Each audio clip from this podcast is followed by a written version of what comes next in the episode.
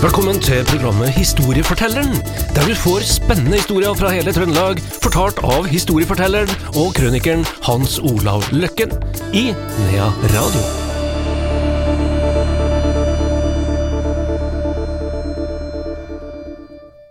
Velkommen tilbake til Historiefortelleren. Velkommen tilbake til deg, ikke minst til deg, Hans Olav Løkken. Jo, takk. Vi skal til Frosta i dag. Det vil Ja. si, vi starter vel egentlig i eh, Amerika. Ja.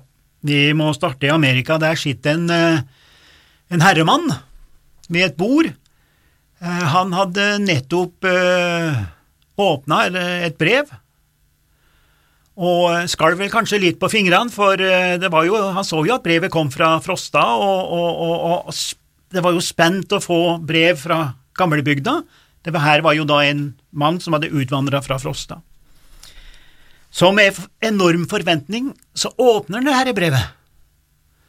Men en hadde jo da kanskje den samme egenskapen eh, som du, Andreas, og jeg har, at hvis du åpner et brev, så leser vi det først på ett sekund. Altså vi skanner liksom veldig fort, det har innholdet med en gang, og så kan vi lese det sakte, men sikkert etterpå. Det er jo, det er jo sånn mange gjør det. Da.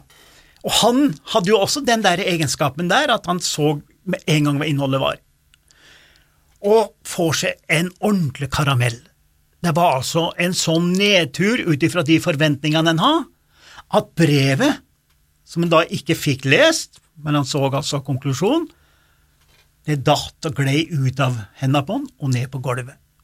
Og det har da min tegner tegnet da det er liksom brevet seiler på luftstrømmen eh, bortover gulvet der han sitter. Og det her har altså sin årsak, som vi skal nå se på den skuffelsen som han herre fyren fikk da.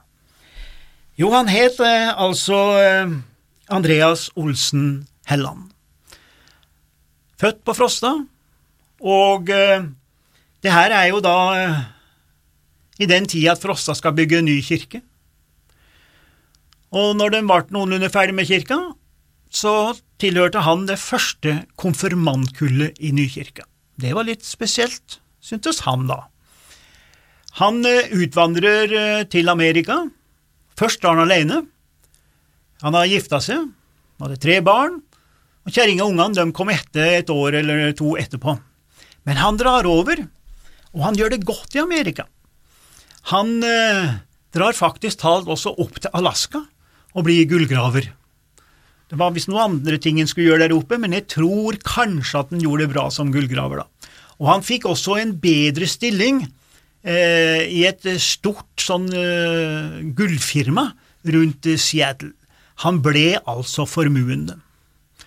Og som mange andre som har gjort det godt her i livet, så eh, hadde han jo lyst til kanskje å gi noe tilbake til heimbygda si, og kanskje da til kirka, hvor han da var konfirmert.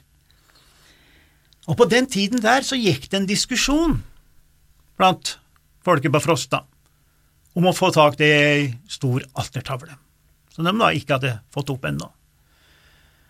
Den debatten, den gikk og gikk, og den havna da selvfølgelig også i Amerika, så han plukka opp de, den debatten og tenkte ha, jeg skal koste på ei altertavle, jeg skal skjenke min gamle kirke ei altertavle, og jeg har penger til det.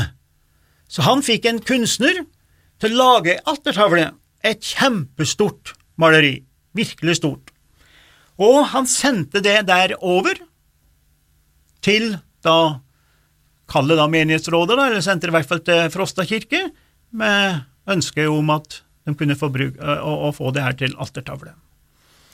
Jo da, de så jo på det her maleriet, og det ble vel en litt sånn diskusjon, kanskje, da, om, om hvordan maleriet Om det var bra nok, da, og det var kanskje ikke alle som var fornøyd med motivet.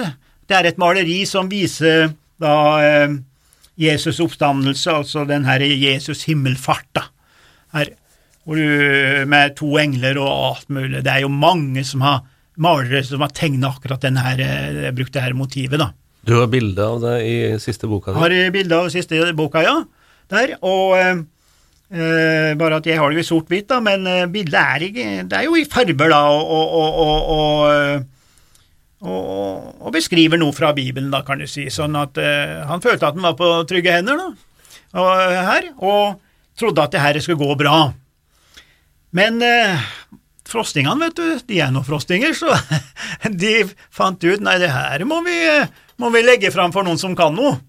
Da, så de fikk da en som het Jens Thies, da ved Nordenfjelske kunstindustrimuseum i Trondheim til å komme med en fagmessig uh, vurdering.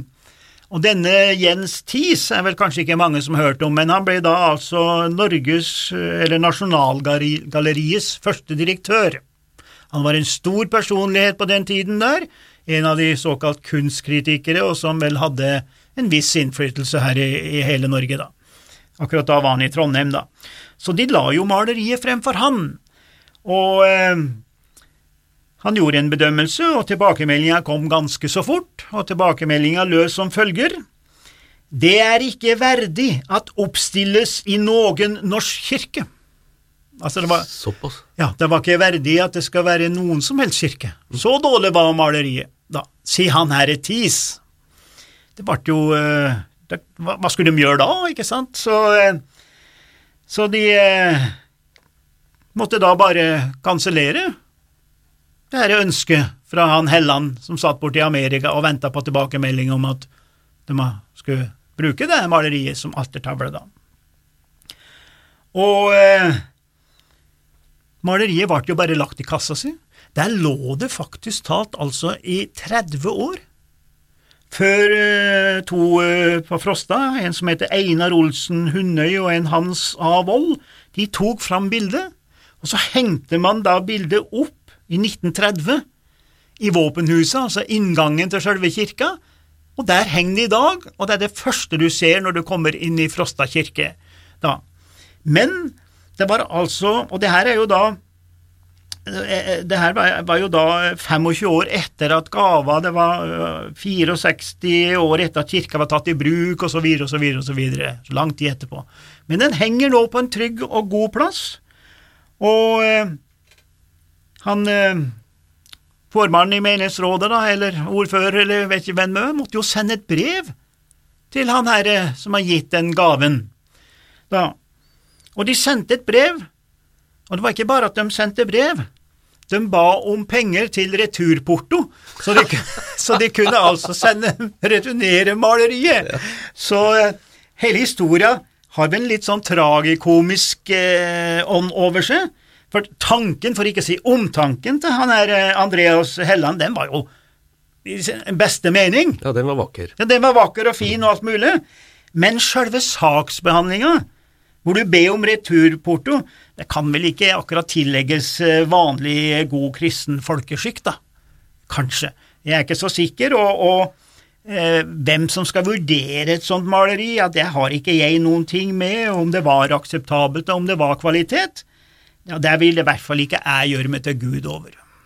Men nå henger det i hvert fall i Frosta kirke? Det henger i Frosta kirke, anerkjent, og det er eh, bra, og det kom jo på plass, da. Men det er jo en liten artig historie. Det var historia i dag. Takk til Hans Olav Løkken. En ny historie får du neste uke til samme tid.